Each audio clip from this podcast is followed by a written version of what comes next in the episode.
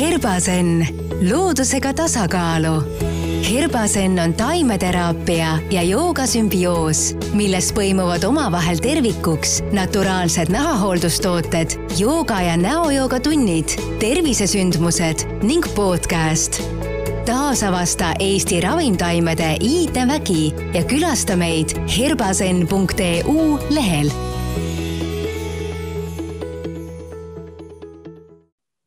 tere tulemast Herbasenni podcasti. käes on osa kolmkümmend kaheksa ja mul on jälle nii-nii hea meel tervitada üht väga-väga ägedat naisterahvast siin. tere, Aale Triinu.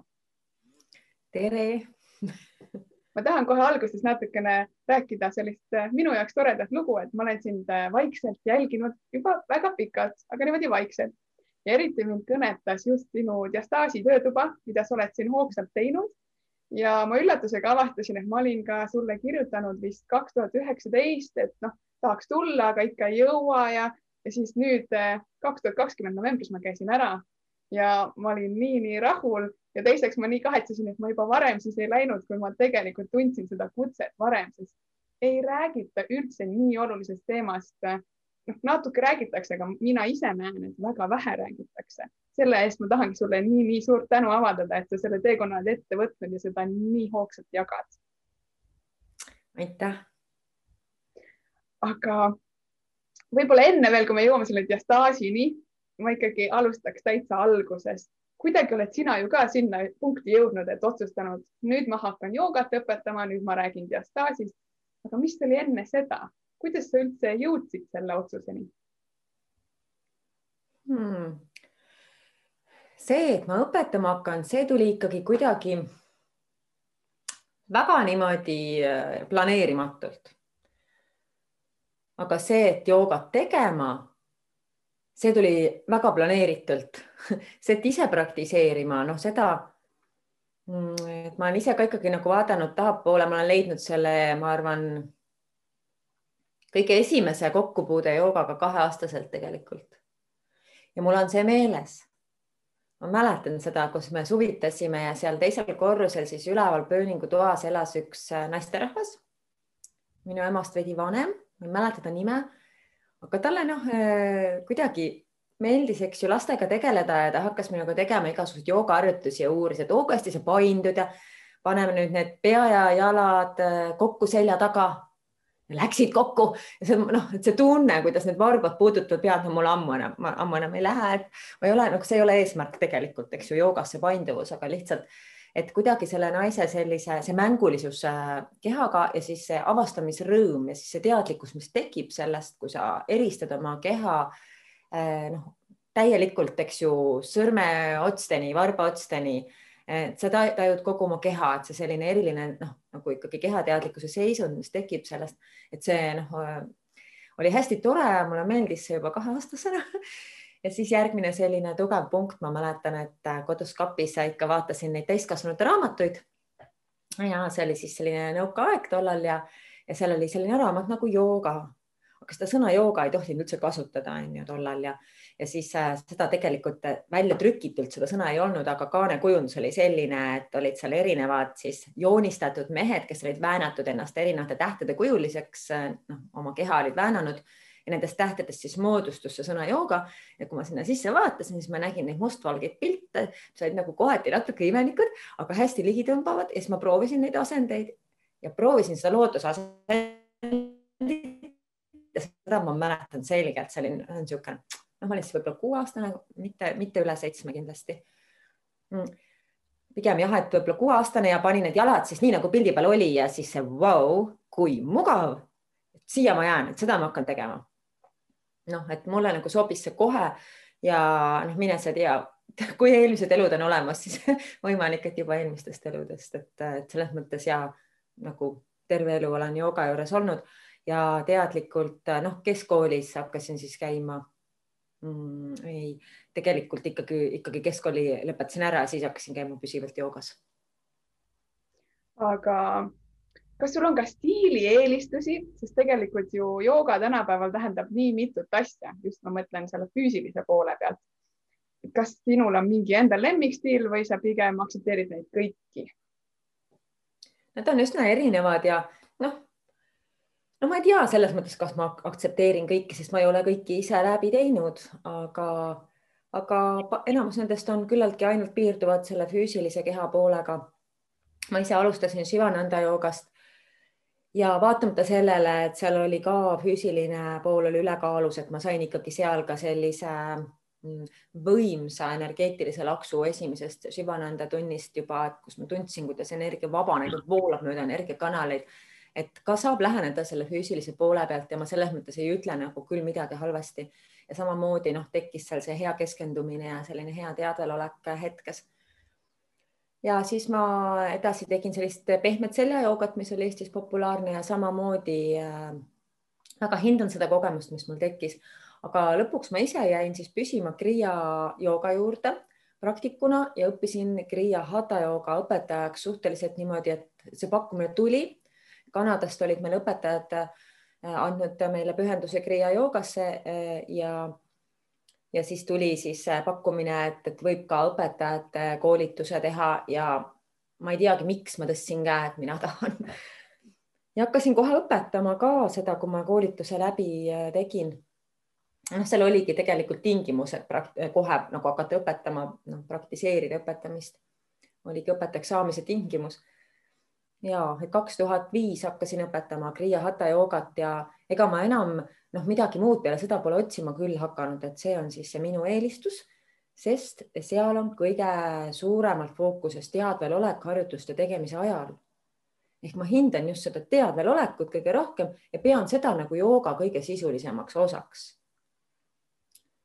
kuigi pärast seda ma olen ka ikkagi noh, põnevuse ja võib-olla sellise teadasaamise nimel Ashtanga joogat proovinud, seda päris klassikalist Ashtanga vinyasa joogat ja ka väga vinge. aga mitte üheski nendes liinides, tegelikult mitte üheski, isegi mitte Kundalini joogas ei ole seda teadlikkust, teadlikkust, et ma hetkes tegutsedes teadvustan seda, mis on nagu minu ja selle tegutsemise vahel, et see teadlikkus, mis mind kogu maailmaga seob, see on ainult kriia joogale omane ja ja krii ja tähendab teadlikkusega tegutsemist, et see ongi selline kõige vanem tegelikult jooga, põhimõtteliselt äh, kõik jooga oligi vanasti kriia, noh, väga vanasti, tuhandeid aastaid tagasi kriia jooga, et jah, siis ma leidsin, et see on nagu see juur või see, see selline tuum. vot mm. -hmm. aga kuidas sa ise tunned, kui inimesed tulevad sulle tundi, kas, kas nad saavad päris täpselt aru, mis see jooga on või mis kriia jooga on või nad ikkagi tulevad sellise suhtumisega, et proovime, vaatame ja nad päris täpselt ei erista jooga füüsilise keha stiile siis? no kuidas keegi, et ja ma saan täitsa aru, et osa inimesi tahab tugevat trenni ja ma ei tee sellist väga tugevat trenni.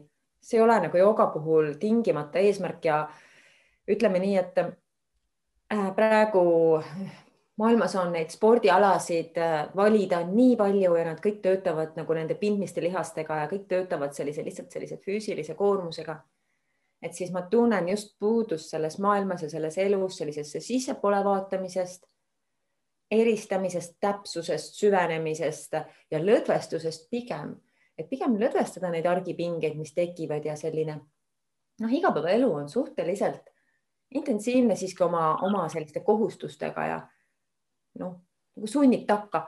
Ja et see joogatund võiks olla see koht, kus sa nagu hingad välja ja lihtsalt saad olla et selline kergendus kasvõi tund või poolteist. ja on inimesi, kes ütlevad, et noh, nad on nagu liiga rahulikud või liiga kerged, need harjutused, mis ma teen. ma ütlen vabalt, sa võid tegelikult teist korda nädalas teha ju sporti või minna Ashtanga joogasse ja üks kord nädalas lihtsalt sellist noh, uurimist teha, nagu me minu tunnis teeme rohkem see vist ongi üldse ühiskonna probleem, et me tahame seda kiiret tempot igale poole kaasa võtta, mis meil töö juures või koolis on, et siis trennis ka kiiresti ja higiseks ja kui ütled, võta aeg maha, siis enam ei osata ka väga hästi. jah. aga kuidas sa siis lõpuks ikkagi jõudsid sinna, et äh, räägiks diastaasist ja sünnitusjärgsest äh, enda toetamisest, sest see on ju täiesti teine maailm see, ma arvan, ei tule väga tihti, et sa hakkad joogat õpetama ja siis mõtled, nüüd räägime ka sünnitusjärgsest taastumisest. ja noh, jällegi, et ütleme kaks tuhat viis, kui ma hakkasin joogat õpetama, üsna kohe tollases City spaas siis seal lihtsalt see mm, nii-öelda korraldus sättis mind, et nüüd tee rasedate joogat ka. Ja alguses ma väga pabistasin, et selle rasedate joogatunni pärast, aga siis õige pea mul hakkasid need tunnid just rohkem meeldima ja kõige rohkem. ja ma panin tähele, et naised, kes on lapse ootel, nad on nagu loomulikult palju rohkem teadlikumad sellest, mis enda sees toimub. Nad on lihtsalt looduslikult äh, kuidagi uurivamad, tähelepanelikumad äh, ja ja et on hästi hea nendega teha joogat ja, ja, ja siis äh, eks ma siis hakkasin juurde õppima seda poolt ja jäingi aastast kaks tuhat viis alates tegelikult siis paralleelselt Kriia Hatha joogale seda rasedate joogatundi ka andma. aga kogu aeg tundsin, et ma tahan veel ennast täiendada ja veel ennast täiendada ja siis lõpuks õppisin ka tuulaks. tuula on kreekakeelne sõna, aga ta on üsna juba kasutuses siin Eestis ka, nii et ma kasutan seda sõna Mm, ja noh, eesti keeles on siis öeldud, et äh, Tuula on pere ja sünnitoetaja. ehk äh, sünnitoetaja, sellest võib aru saada, et tõenäoliselt käib sünnitustel ja nii on, aga tegelikult see Tuula töö hakkab palju varem. et hakkabki juba täitsa põhimõtteliselt raseduse planeerimisest pihta ja pärast siis lapse sündi veel kuid ka ja ja, ja kui ma siis selle koolituse läbisin, noh siis, äh, siis ma kuidagi pärast seda sukeldusin täiesti üleni sellesse maailma ja see tõmbaski mind ja noh, ise kolme lapse emana ka, et see on nii eluline. ja noh, mina tundsin väga puudust juba esimese lapsega, tundsin väga puudust rasedate joogast, siis nagu ei olnudki sellist asja kaheksateist aastat tagasi põhimõtteliselt. ja noh, diastaasist ei räägitud üldse midagi et mina sain ka teada diastaasist ehk kõhu sirglihaste lahknevus. et sellest sain teada alles äh, peale oma teise lapse sündi, et siis kuskil kuus aastat tagasi. ja, ja mm, ja et see, et nagu sellist teadlikkust oma keha kohta ja ka selle kohta, kuidas siis on õige tegelikult hoida oma keha, valmistuda emaduseks pärast taastada oma keha, et seda ei ole liiga palju meie ühiskonnas, et suhteliselt meestekeskne on kogu sport. jah.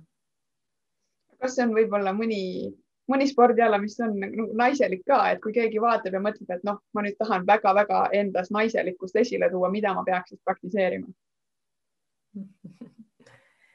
nojah, et äh, ikka midagi leiab ikka ja noh, eks mingid tantsud kindlasti ja, ja noh, on olnud sellist iluvõimlemist, mis on noh, hästi selgelt selline naiselikum või aga noh, ja ka iluuisutamist, eks ju, võime mõelda, et mis on selline naiselikum ala, aga ometi ähm, on ähm, neil ka, et sellised iluvõimlemisel ja, ja iluuisutamisel ja mõnedel tantsudel ka omad sellised miinused siiski, et äh, kui ütleme lapseootuse ajal teha sellist trenni, mis väga tugevalt neid ähm, pindmisi, kõhulihaseid, kõhusirglihaseid pingutab noh, uisutamises on muidugi ka küki püsti, küki püsti et, ähm, et siis lihtsalt see soodustab seda, et need kõhulihased on mm, sellised nagu ületreenitud, et selline ületreenituse moment võib tekkida ja venitusi ei ole võib-olla tehtud õigel viisil või piisavalt.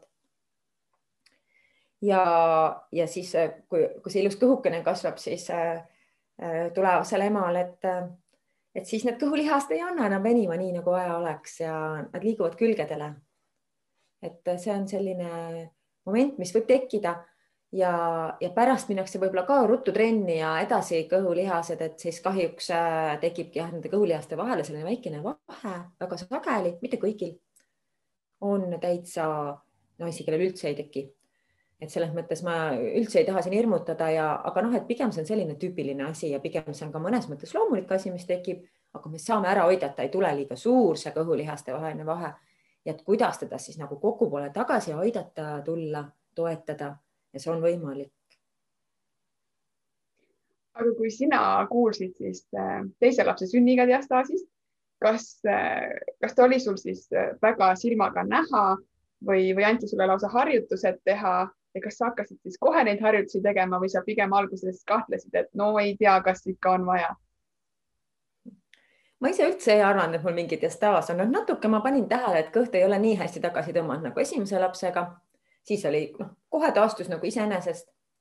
teise lapsega, et nagu selline väikene ja mõtlesin, noh, ma ei tea, et see võib-olla käibki kaasas selle emadusega või ega ma ei teadnud, mul on seal mingi vahe kõhulihaste vahel.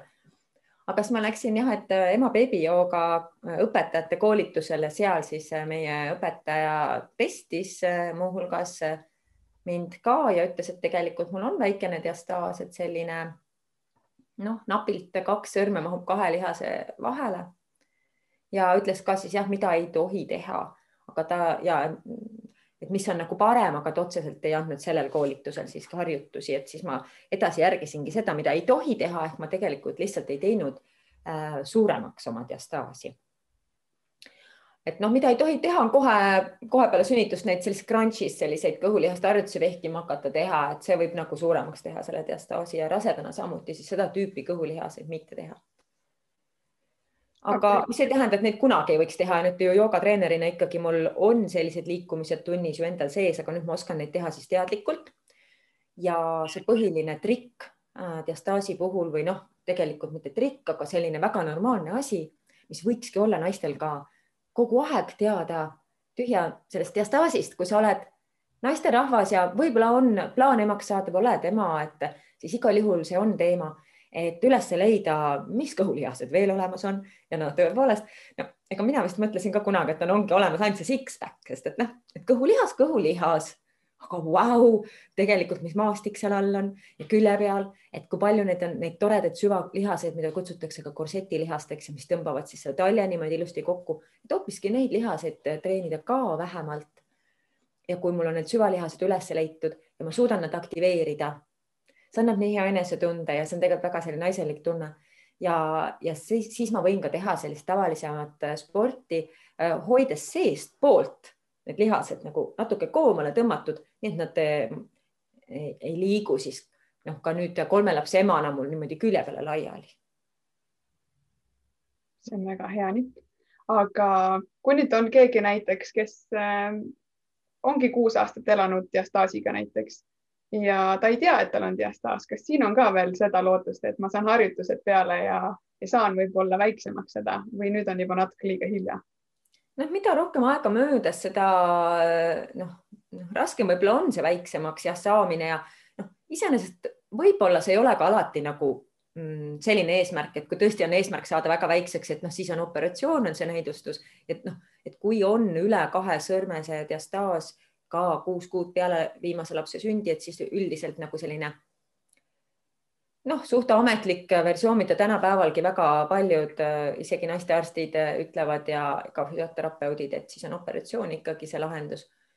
aga natukene saab väiksemaks, aga noh, mis on isegi tähtsam kui see, et väiksemaks on see, see, et, et su kõhulihased õigesti toimima hakkavad, et seesama vahe, mis sinna tekkinud on see ju tähendab ka, et ongi lihaseline tuginõrk kõhu ees seinas, mis omakorda võib anda seljavalusid, võib anda puusavalusid, võib häirida hingamist, et, et selliseid väikeseid ebamugavusi, et kui naine tunneb emana, et, et siis ei ole see, et ma olengi nüüd ema, et emadel peabki selg valutama või nüüd mul ongi ebamugavam, nüüd mul ongi üks puus valus ja minu emal oli ka ja noh, tegelikult see ei ole üldsegi selline asi, mis peaks olema, mis kuuluma peaks emadusega kokku, et kindlasti tasub uurida, et mida saaks teha.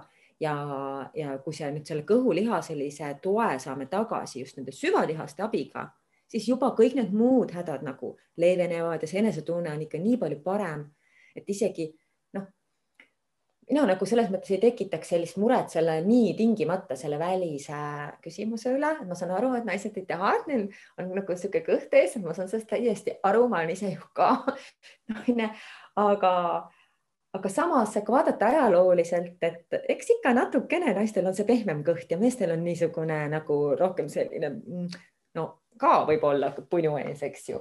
et on ihaletud, et ilus mees oleks sellise tugeva liha sellise kõhuga, et siis tegelikult ilus naine on olnud ajalooliselt siiski väikese pehme kõhukesega.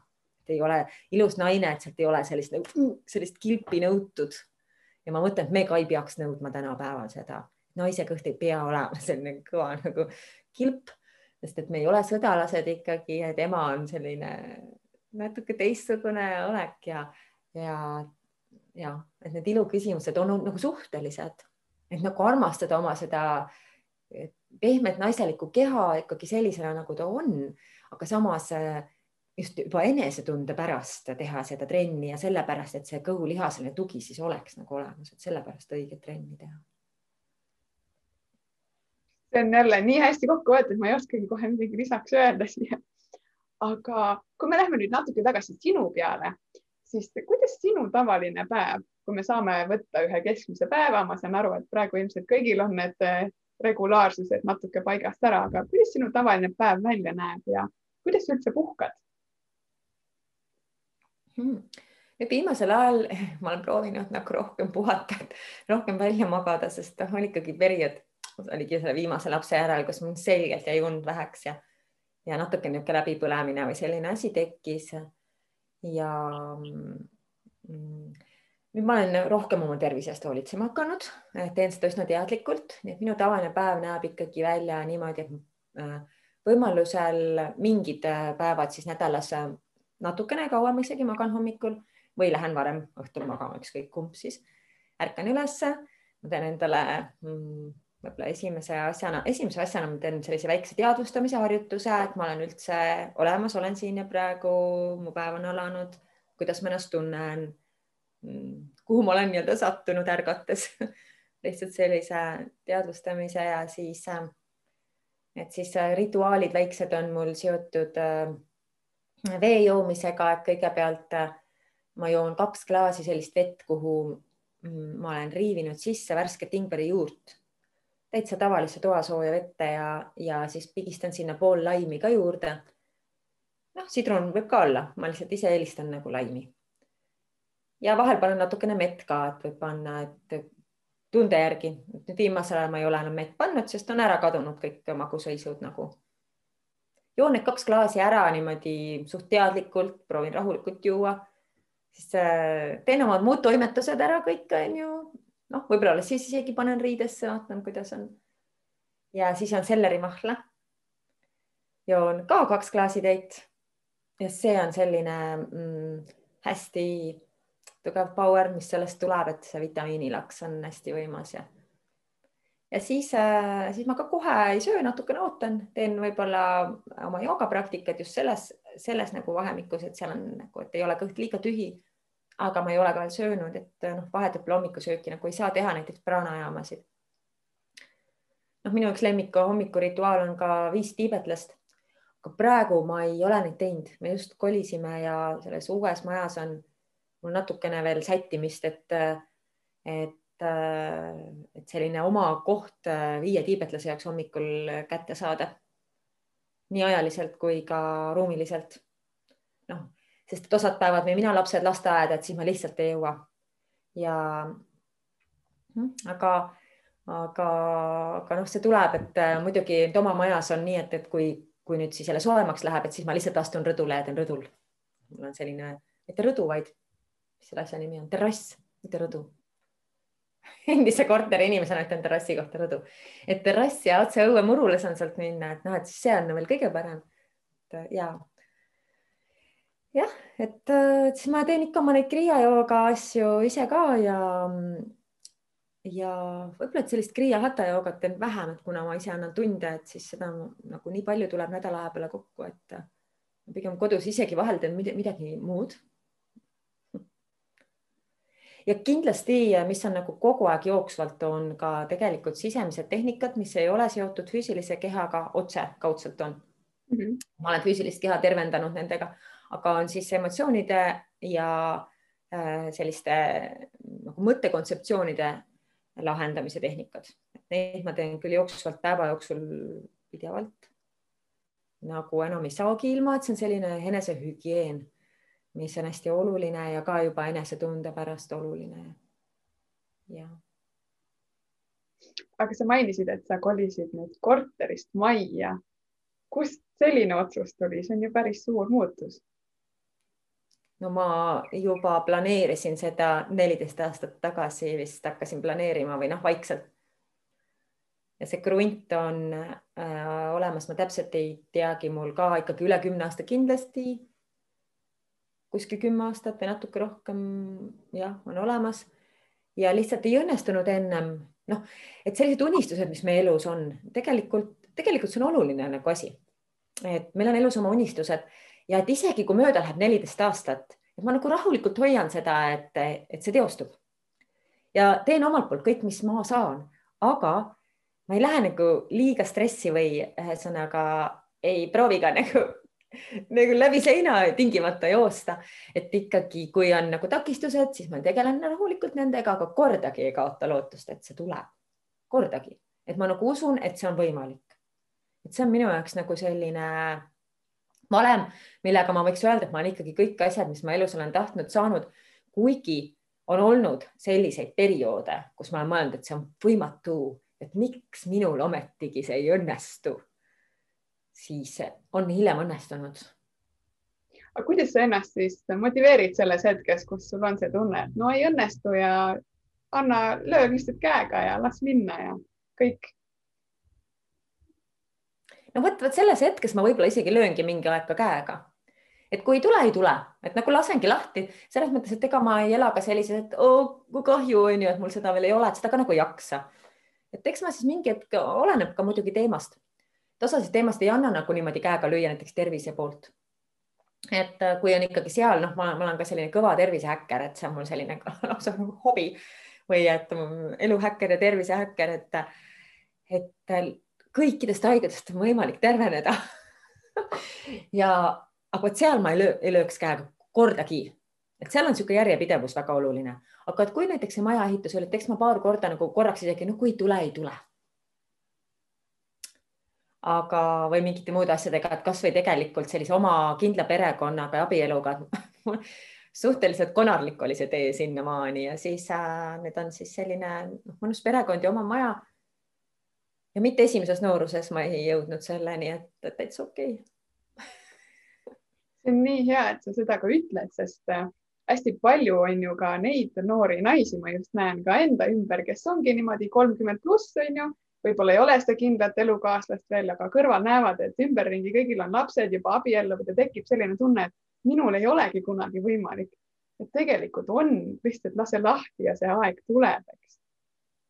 jah, ja et, et äh, lasta lahti, et see ei pea olema kinnisidee, aga samas, kui elu pakub sulle võimalust, siis teha koostööd, siis mitte hakata pirtsutama, siis nagu vaadata, ahah, mulle tuleb selline pakkumine, et äh, äkki nüüd see ongi see.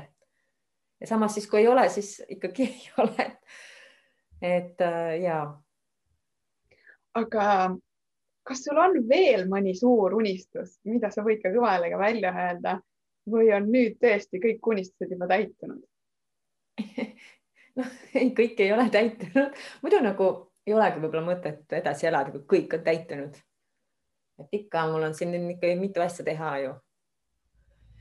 Siin äh, inimese kehas veel, et et ma ise noh, just endaga töö osas, et mul on ikkagi mm, sellised taotlused ja soovid ja tulevikuvisioonid, et äh, et äh, ma ise õpin veel paremini juhtima oma sisemaailma, olema püsivamalt teadvel, täitsa püsivalt teadvel, selline unistus isegi. ja, ja nagu selline võib-olla just nagu seotud ka noh, ongi iseendaga, et äh, et ma nagu olen ära lahendanud selle kontseptsiooni, ma loodan, et täiesti võib-olla mingi kiht ma praegu vaatan, võib-olla ma pean midagi veel lahendama. et vananedes me muutume kuidagi kehvemaks. Et noh, et kuni, kuni võib-olla ma ei mäletagi, mis ajani ma üldse ei mõelnud nagu, et vananemine mingi teema oleks, aga noh, siis kui oled ikkagi, ikkagi nagu saad nagu tasapisi vanemaks ja ikkagi noh, tekivad ju kortsud tekivad hallid juuksed, siis tekib nagu see küsimus, et vau, et mis asi see vananemine üldse on, on ju. ja mis suhe mul sellega tekib. ja mul on ikka olnud kõvasti lahendamist, et äh, sellel teemal. aga nüüd ma ikkagi olen aru saanud, et, et see, et see ei saa nagu üldse olla mingi takistus ja see üldse ei tähenda, et kvaliteet kahaneb. et minu nagu selline noh, nagu taotlus tegelikult on, et et mida edasi ma elan, seda rohkem kvaliteet tõuseb. nagu selles mõttes iga aastaga, eks ju, ja isegi, isegi võib-olla iga kuuga, aga kindlasti iga aastaga tõuseb natukene kvaliteet, minu elukvaliteet, aga ka sisemine kvaliteet ja tegelikult ka tervis, et mitte ei lähe allamäge. Et selline enesetunne, kuidas ma ennast kehas tunnen, et ja noh, täna ma võin öelda, et mul on tõesti väga hea see enesetunne, aga ma olen natukene noh, nagu töötanud ka selle nimel see on väga hea kokkuvõte, mina tahan ka täpselt sama, et olla parem versioon endast, mida vanemaks ma saan. aga nüüd, kui on keegi, kes näiteks äh, tahaks ka, aga pole võib-olla üldse äh, tähelepanu pööranud sellele, millest ta võiks alustada või kas sul on mõni sala tervisenipp, mida kindlasti tehes äh, ta juba näeks mingit tulemust? ma ütlen ausalt, et need hommikused, see vesi ja sellerimahl, mis ma joon, et see on kindlasti noorendava toimega. no tõesti on ja et seal on, tekib alguses puhastusefekt ja võib-olla ei ole kõige lihtsam need esimesed nädalad ja alustada tuleb vähemast. et mitte olla fanaatiline, tasapisi väikeste sammudega, aga hästi järjekindlalt. et selline korralik vee joomine on kindlasti noorendava efektiga, sest noh, kui ma mõtlen nagu vananemise peale, et see ongi natukene nagu selline kohati nagu kokkukuivamine et kui piisavalt ennast niisutada, need keharakke, et nad on nagu värsked noojad kogu aeg on nagu selline selline hea taastumine rakkudel. ja jooga on kindlasti, kindlasti selline asi, mida noh, mine mingisse joogatrenni, proovi, kas sulle sobib, kui ei sobi, siis vaata teist trenni. et eks need on erinevad, erinevaid ja kehad on erinevad. Et äh, tuleb siis äh, enda keha järgi nii-öelda ka vaadata ja noh, võib-olla alati ise ei saa ka aru, et äh, võib-olla on hea ka küsida spetsialisti nõu, et, et noh et milli, minu kehatüübile, et milline nüüd siis see jooga sobiks nagu võib-olla rohkem. ja, ja uskuda imedesse, et selles mõttes igapäevaelus iga hetk, mitte ainult mingisse ühte suurde imesse, aga põhimõtteliselt selline nagu sellised nagu imelised hetked on kogu aeg olemas meiega ja et see ongi tegelikult maailmale väga omane. et nii palju, kui mina olen elu uurinud, et eluhäkker olnud, et et neid imesid on ikkagi nii palju, et saa üldse öelda, et me teaksime kõike, eks ju, ja ei saa nagu, see on väga piirav ette arvata, et ma arvan, et ah, minul ei tule midagi välja või, või et noh, juba mu emal oli nii, et mul on ka nii või, või et ah, et noh, ühesõnaga see on nii nagu ma tegelikult ei luba nendel imedel nagu õitseda, ma ise panen sinna niisuguse kasti, istun seal kastis, lihtsalt nagu lubada, lubada vaadata laiemalt, et ma arvan, et see on selline hästi-hästi hea asi, et siis hakkavad võib-olla tulemagi need väljakutsed, elu hakkab sinu poole pöörduma ja sa saad teha koostööd ja vaadata, vau, selline asi, ma ei osanud unistadagi võib-olla, et selline asi toimub. aga selle unistamise juures, kas on ka midagi, mida sa veel kardad või mille eest sa tunned natukene nagu hirmu? ja no vahel enda võib-olla mingid äh, sellised automaatsused, mida ma ei ole lahti muukinud veel noh, kindlasti kõik teavad, et aeg-ajalt on nagu tulevad mingid sellised asjad vahele, mida ma võib-olla tegelikult noh, isegi nagu ei tahaks või ei tahtnud teha, pärast tagantjärele vaatad mm,, et oleks võinud natukene teistmoodi. et noh, eks ma natukene neid vahel olen kartnud, vahele tulevad niimoodi, et ma ei oska neid hallata aga samas ma tahan olla nagu hästi loomulik, et, et siis ongi selline natuke nagu, et ma olen valmis võtma neid riske et äh, tahtes olla loomulik, et, et siis äh, või noh, mitte tahtes, vaid olleski, ma ei taha, ma ei taha nagu noh, ollagi, eks ju, mingi ette määratud et on kõik on nagu hästi looduslik, et siis äh,, siis natukene võib vahel olla sellist asja, millega ma ei ole enda puhul rahul lihtsalt, et sellist nagu rahulolematust endaga, et ma võib-olla see on selline teema, hea meelega ületaksin veel. jah. Ma muud nagu väga ei karda selles mõttes vist mitte midagi.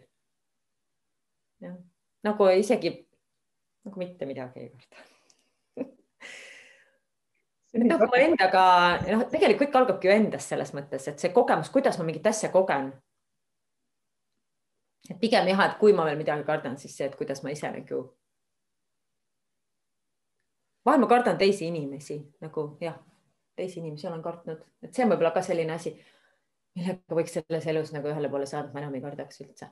nagu ma kardan kuidagi ma ei teagi isegi, mida ma kardan, lihtsalt nende mingit arvamust või suhtumist või, või äh, jah see, ma arvan, on killuke meil kõigil, sest mida rohkem me lähme sinna sotsiaalmeediasse, siis kõigil on ju kogu aeg mingi arvamus ja mõni ühtib sinuga, teine mitte ja mis sa siis teed, eks. ega need arvamused ära ei kao, kui me päriselt kohtume, see on kindlasti kõigi meie nii-öelda komistuskivi veel. aga kuidas sa üldse praeguses elus, ütleme, kas sa, kas sa veel otsid õnne või sa ütled, et sa oled igas hetkes õnnelik?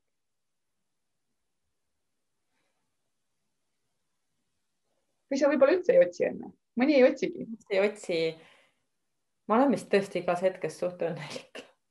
isegi siis, kui selles mõttes ähm, äh, noh, on midagi, mis äh, on võib-olla selline hästi väljakutsuv või kus mul, mul ei pea olema seda õnnelikkuse emotsiooni, mul ei pea suu kõrvuni olema. minu jaoks õnnelikkus on äh, midagi muud kui emotsioon. ma arvan, et ma olen vist igas hetkes õnnelik. see on selline nagu pigem see mingi tähendusrikkus või ma ütleks nagu sellise sõna, et, et nagu minu jaoks on see, äh, see kogemus on nagu mm, tähendusrikas. et see elus olemise kogemus, et see tekitab minus nagu õnnetunde, et see, et, et jah, et ma saan nagu kätte selle, miks ma siia sündisin inimesena, et ma saan selle nagu kätte igas hetkes. et ma ei jää vahepeal kuidagi ignorantselt ei vaju nagu ära kuhugi no see, ma arvan, see, minu jaoks on nagu õnn. aga kui me nüüd võtame sult kõik nagu ametid ära, tiitlid ära kuidas sa ennast siis kirjeldaksid? noh, näiteks, et sa ei ole enam joogaõpetaja, sa ei ole enam loengupidaja, sa ei ole enam ema, sa ei ole enam naine. mis siis alles jääb? ja see, see on nagu lahe jah. noh, siis jäängi mina alles mm. -hmm. nime ka ei ole siis? nime ka ei ole. Mhm. noh, ja siis on nagu veel eraldi seal, et on nagu minu keha jääb ka alles aga mina ei ole minu keha. et kui ma noh, võtan veel keha ka ära, mis siis on, siis jäävad mõned emotsioonid, aga need ei ole ka mina, et need on ka, tulevad ja lähevad, need on nagu ka ju nagu energeetilised rõivad, emotsioonid on nagu energeeti-, energeetilised riided, erinevad stiilid ja meeleolud. Need ka ära võtta, mis siis jääb? mõned ettekujutused, mõned võib-olla pildikesed on need ka ära võtta, mis siis jääb? mina jään jooga lõpu lõdvestuse ajal me jõuame ka umbes sellisesse kohta. rahulikult lõdvestame need pindmised, noh, välisest maailmast enam nii välja ei tee, siis lõdvestan teadlikult selle füüsilise keha, lõdvestan teadlikult need äh, peentasandid ja lihtsalt jään sellesse olemisse. ja siis on hästi kurb, kui on see hetk, et mõni rullib mati kokku ja läheb ära, eks, et tegelikult see on nii väärtuslik, see lõpuosa. ja noh, minu joogas nagu nad ei rulli matti kokku, sest see on osa tunnist aga Ashtanga joogas on küll niimoodi, et kes tahab, jääb lõdvestama, kes tahab, ei jää ja enamus rollivad mati kokku, lähevad duši alla, sest nad on kaltsmärjad. Mhm. aga isegi seal võiks jääda, et isegi kui sa oled sellises äh, joogatunnis, kus otseselt see ei ole nagu tunni osa, et ikkagi vähemalt viis minutit või tegelikult võiks rohkem võtta. jah. ja lasta nagu lahti kõigest ja proovida ja julgelt võib lahti lasta, sest et äh, iseendast ei saa kunagi lahti lasta. et kõik, millest sa lahti lasta saad, ei ole tegelikult sina, noh, see on nii loogiline, onju. see on nii loogiline, ununeb üsna kiirelt. ja täitsa eksperimenteerida, et kas ma saan sellest ka lahti lasta, sellest mõttest ka ja sellest tundest ka ja sellest vaatamisest ka ja mis siis jääb, noh. mina jään, see tundub alguses võib-olla selline tühi, eks ju, aga noh, kui me oleme harjunud riideid kandma ja siis ma ei tea, lähme sauna, võtame riided ära, on ka nagu tühi korraks, aga noh see ongi hästi loomulik samas, mis sa siis avastad nagu, et mis sa seal, seal oled, et see selline tead, teadvus lihtsalt. see on, ma arvan, see võiks olla ikkagi kõigil olemas, see kogemus, et kes nad nagu tegelikult on. elu jooksul see kogemus nagu võiks olla ju. ma tean, kes ma tegelikult olen, et ma ei olegi oma nimi ja kõik need rollid ja, ja need riided või stiilid või mis iganes või iseloom, ma ei ole oma iseloom see iseloom ongi nagu selline sõna on ju, iseloom, see on nagu omaette loom täpselt nii. aga mina olen nüüd küsinud siin juba päris portsu küsimusi. kas on äkki sul südamel midagi, mida sa tahaksid veel jagada, mida ma pole osanud võib-olla küsida?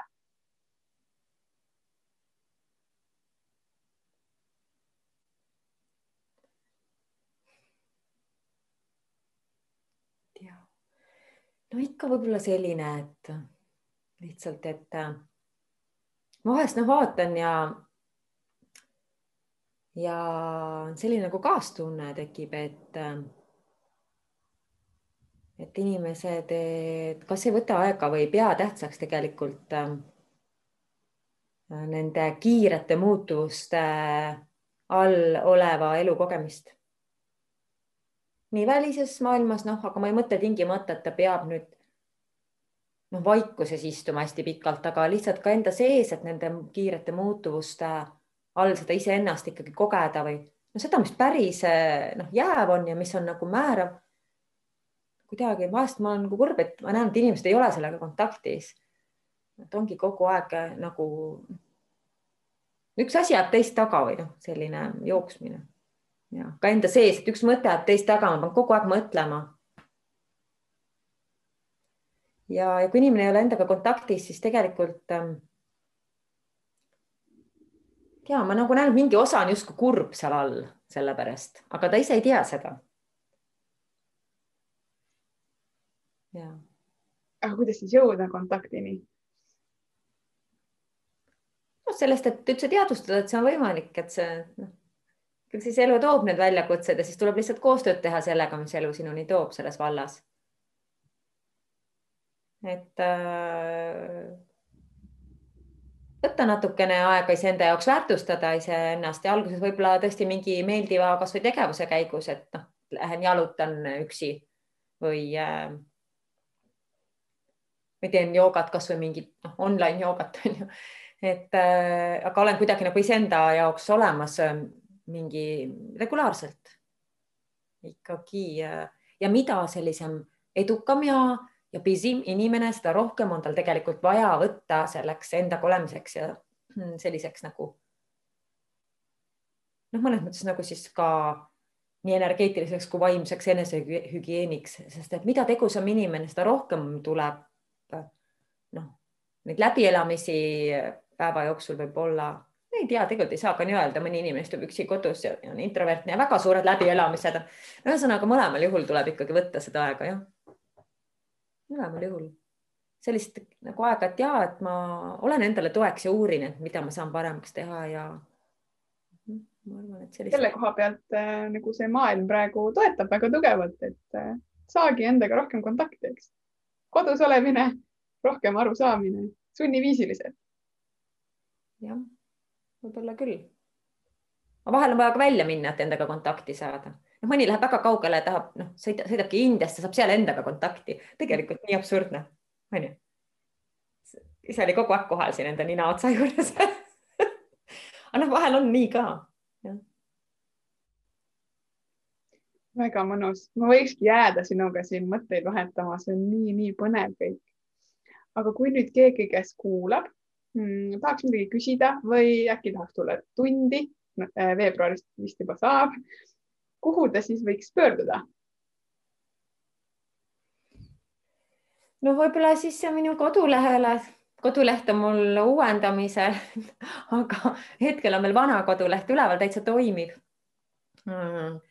stuudio sada kaheksa, noh, see ei ole ainult minu koduleht, see on teisi ka seotud selle MTÜ-ga, MTÜ Stuudio sada kaheksa, aga äh, stuudio kirjutatakse ühe U-ga nagu inglise keeles stuudio sada kaheksa punkt ee väga vahva. ma loodan, et eh, need, kes peavad jõudma sinuni, jõuavad sinuni. tihtilugu ma siin ühe silmaga piilun ka alati video alla kommentaare, et eh, video jooksul kommentaari ei tule, aga pärast kindlasti küsitakse ja kui sul on ka praegu, armas kuulaja või vaataja, küsimusi, siis julgelt võid kirjutada kas siia video alla või, või saata juba otsese küsimus. Mina igal juhul väga-väga tänan sind, Ale Triinu, see oli mõnus mõnus teisipäeva lõunapaus. ma loodan, et äh, me kohtume veel tulevikus ja ma soovin sulle, armas kuulaja, vaataja, mõnusat nädala jätku. aitäh. aitäh minu poolt ka kõigile